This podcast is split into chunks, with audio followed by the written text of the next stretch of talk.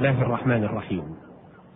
الحمد لله رب العالمين والصلاة والسلام على نبينا محمد وعلى آله وصحبه ومن تبعهم بإحسان.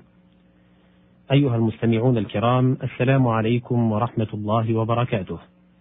أحييكم تحية طيبة مباركة في مطلع هذا اللقاء على مائدة كتاب الله سبحانه وتعالى حيث نتناول ألفاظا من القرآن الكريم. ببيان معانيها من خلال ما قالته العرب الفصحاء في شعرهم ونثرهم. وقد كان الحديث قد توقف بنا في لقاء سابق عند مادة الفاء والواو والميم الفوم.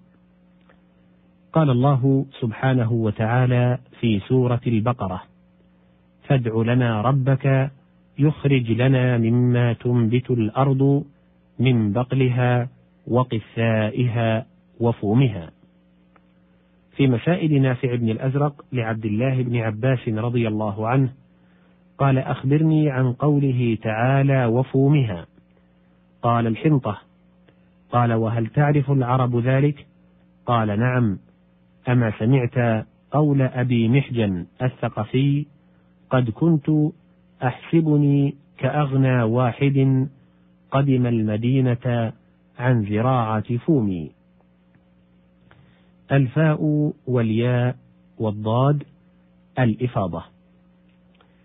قال الله سبحانه وتعالى في سورة البقرة فإذا أفضتم من عرفات فاذكروا الله عند المشعر الحرام. فإذا أفضتم من عرفات أي اندفعتم.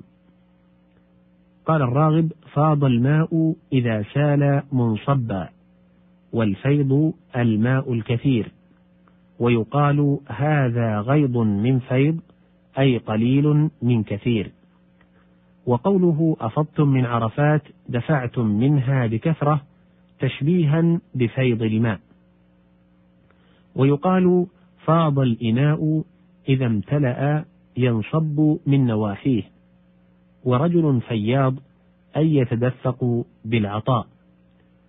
قال زهير ابن أبي سلمى وأبيض فياض يداه غمامة على معتفيه ما تغب نوافله وهو من قصيدته التي مطلعها صح القلب عن سلمى وأقصر باطله.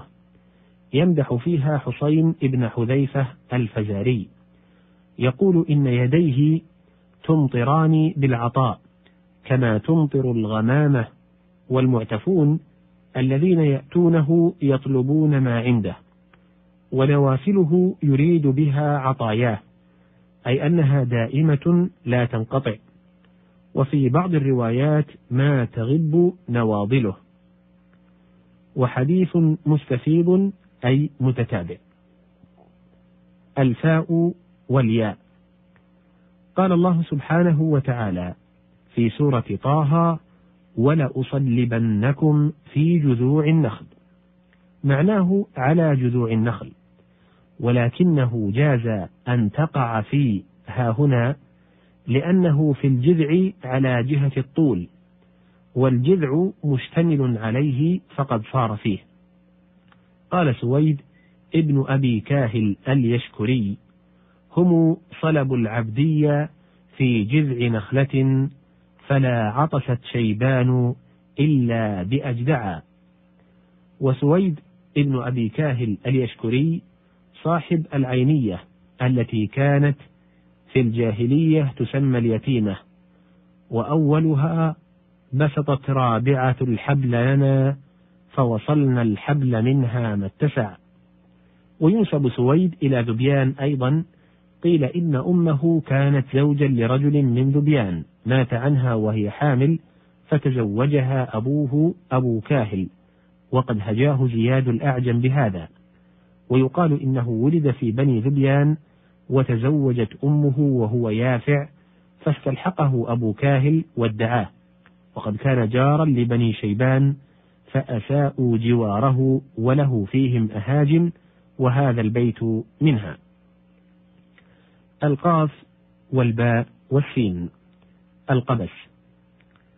قال الله سبحانه وتعالى في سورة النمل سآتيكم منها بخبر أو آتيكم بشهاب قبس لعلكم تصطلون في مسائل نافع بن الأزرق قال أخبرني عن قوله تعالى بشهاب قبس.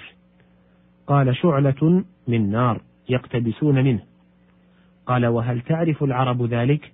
قال نعم. أما سمعت قول طرفة ابن العبد هم عراني فبت أدفعه دون سهادي كشعلة القبس.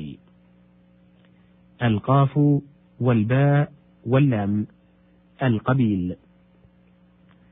قال الله سبحانه وتعالى في سورة الإسراء أو تأتي بالله والملائكة قبيلا أي مقابلة أي معاينة. وقال الأعشى نصالحكم حتى تبوءوا بمثلها كفرخة حبلى بشرتها قبيلها أي قابلتها. فإذا وصفوا بتقدير فعيل من قولهم قابلت ونحوها جعلوا لفظ صفة الاثنين والجميع من المذكر والمؤنث على لفظ واحد. نحو قولك هي قبيلي وهما قبيلي وهم قبيلي وكذلك هن قبيلي. القاف والتاء والراء القتر قال الله سبحانه وتعالى في سورة يونس ولا يرهق وجوههم قتر ولا ذلة. يرهق أي يغشى والقتر جمع قترة وفي القرآن ترهقها قترة وهو الغبار. قال الأخطل يعلو القناطر يبنيها ويهدمها مسوما فوقه الرايات والقتر. وقال الفرزدق متوج برداء الملك يتبعه موج ترى فوقه الرايات والقتر وقوله سبحانه ومتعوهن على الموسع قدره وعلى المقتر قدره. المقتر يقال قد أقتر فلان إذا كان مقلا. قال لبيد ولا من ربيع المقترين رزئته بذي علق فاقني حياءك واصبري. القاف والدال والدال. القدد. قال الله سبحانه وتعالى في سورة الجن وأنا منا الصالحون ومنا دون ذلك كنا طرائق قددا. في مسائل نافع بن الأزرق قال أخبرني عن قوله تعالى طرائق قددا. قال المنقطعة في كل وجه. قال وهل تعرف العرب ذلك؟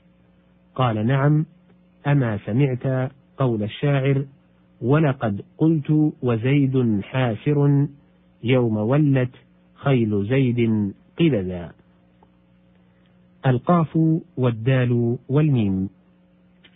قال الله سبحانه وتعالى في سورة الفرقان وقدمنا إلى ما عملوا من عمل فجعلناه هباء منثورا. وقدمنا إلى ما عملوا من عمل أي وعمدنا إلى ما عملوا. قال الراجز فقدم الخوارج الضلال إلى عباد ربهم فقالوا إن دماءكم لنا حلال. القاف والراء والهمزة. قال الله سبحانه وتعالى في سورة البقرة والمطلقات يتربصن بأنفسهن ثلاثة قروء وهي الحيض وهي الأطهار أيضا. والأمر يحتاج إلى بيان وتفصيل أفصله بإذن الله في لقاء تال. إلى ذلكم اللقاء أستودعكم الله وفي الختام أشكر زميلي مهندس الصوت خالد الطحيني والسلام عليكم ورحمة الله وبركاته.